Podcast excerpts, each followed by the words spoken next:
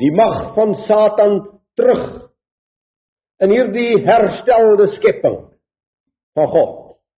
En vanaf daardie dag is sy mag terug, so geweldig terug dat toe hy met Yeshua praat en sy kniel het en die koninkryke van die wêreld is joune.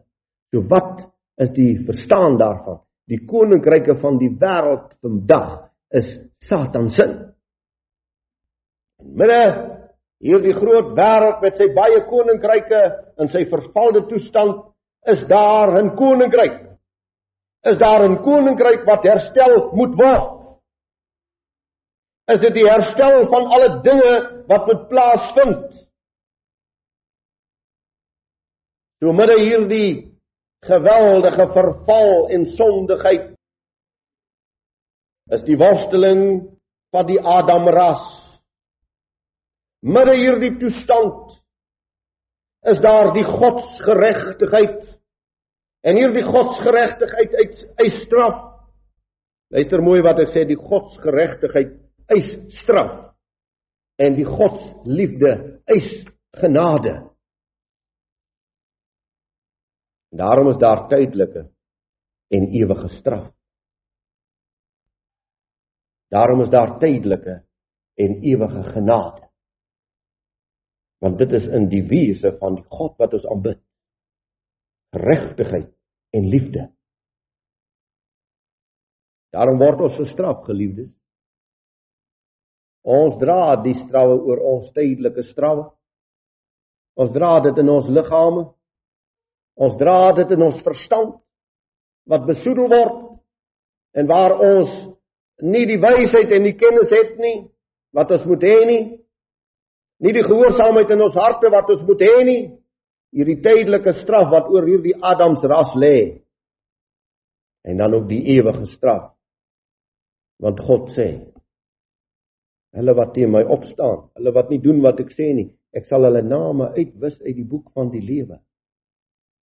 En dis ewige straf vir hierdie ras wat nie wil luister maar daar is ook tydelike en ewige genade Wat 'n heerlikheid, wat 'n wonder, wat 'n dierbaarheid, wat 'n loflied om te sing. Dat ek vanmôre in die tydelike genade kan lewe. Dit wil sê in hierdie tyd is daar vir my genade.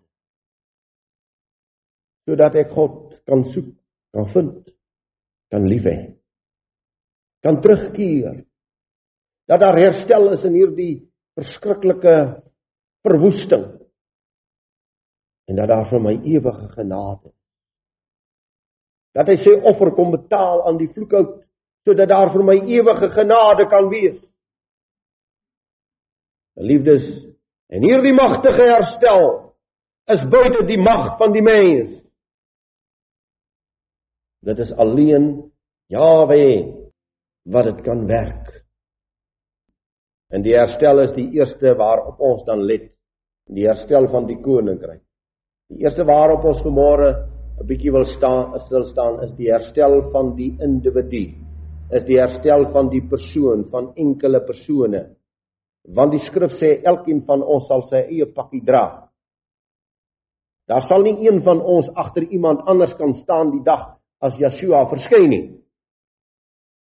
Ons sal elkeen ons eie pakkie dra. Ons sal eie elkeen ons eie rekenskap gee. Daar sal geen skuiling wees nie. Ek sal in die volle lig van die aangesig van God staan. Daarom sê hierdie psalmdigter so mooi: O God, herstel ons en laat U aangesig skyn sodat ons verlos kan word. Die koninkryk van God het lede en hulle moet reageer binne die terrein van die koninkryk. Geliefdes, elke handeling van die gefalle mens is binne of buite die koninkryksruimte. So, om 'n voorbeeld te stel ter wille van die kinders. As ek dis 'n lelike woord sê. En mooi luister, as ek 'n lelike woord sê, is ek buite die koninkryk van God. Ek is val buite hierdie ruimte. As ek 'n mooi woord sê, dan val ek binne die ruimte. En goed, daar's nou nog dieper dinge ook wat daarmee gepaard gaan maar ek noem nou maar 'n voorbeeld. As ek lieg, as ek bedrieg, as ek vals is is ek buitekant die ruimte van hierdie koninkryk. As ek in die waarheid van God wandel en dit soek, is ek binne die ruimte van hierdie koninkryk. Geliefdes, die geskiedenis is vir ons geskrywe oor 'n baie lang tydvak van die regte en die verkeerde optredes van hierdie geslag waaraan ons vanmôre behoort. En hierdie optredes wat die geslag gedoen het trek 'n lyn of trek nie 'n lyn. Hierdie optredes is tot herstel van die koninkryk of tot vernietiging van die koninkryk. Soos ons genoem het in die tyd van Noag. Die volk handel so buite die weë van God, so buite die ruimte van die koninkryk dat God hulle verdelg. Israel in sy besondere bevoorregte posisie as die wingerdstok wat uit Egipte land uitgetrek is en op 'n pragtige heuwel kom plant is en versorg is. Hierdie wingerdstok handel so in sy slegte vrug wat hy dra dat hy uitgetrek word en oor die aarde gewerp word. Bandjie word omgedraai. En vir hierdie verskriklike handelinge van hierdie geslag buite die ruimte van die koninkryk gelief moet daar 'n magtige iets gebeur het. En God Jahwe kom doen dit. Hy moes kom herstel. Hy moes kom versoen. Want hierdie volk, hierdie geslag moes versoen word om weer koninkryk te kan wees en op die ou en werklik koninkryk te kan wees. Jesaja sê ons almal het gedwaal soos skape. Ons het elkeen sy eie pad geloop. Yeshua sê niemand is goed nie behalwe een naamlik God. Lukas 18. Selfs ons beste werke is 'n wegwerplike kleed voor sy aangesig. As ons die goeie wil doen, dan staan die kwaad ons by sê Paulus. Daar is niemand regverdig nie, selfs nie eene nie. Oor al die eeue is daar niemand regverdig nie, selfs nie eene nie. En daarom is die herstel van bo. Is dit die belofte woorde van God vanaf die begin aan die gefalle mens, aan die gefalle Adamiet? Is daar die belofte van herstel? Is daar die belofte van versoening? Want as dit nie van bo kom nie, is daar geen versoening nie.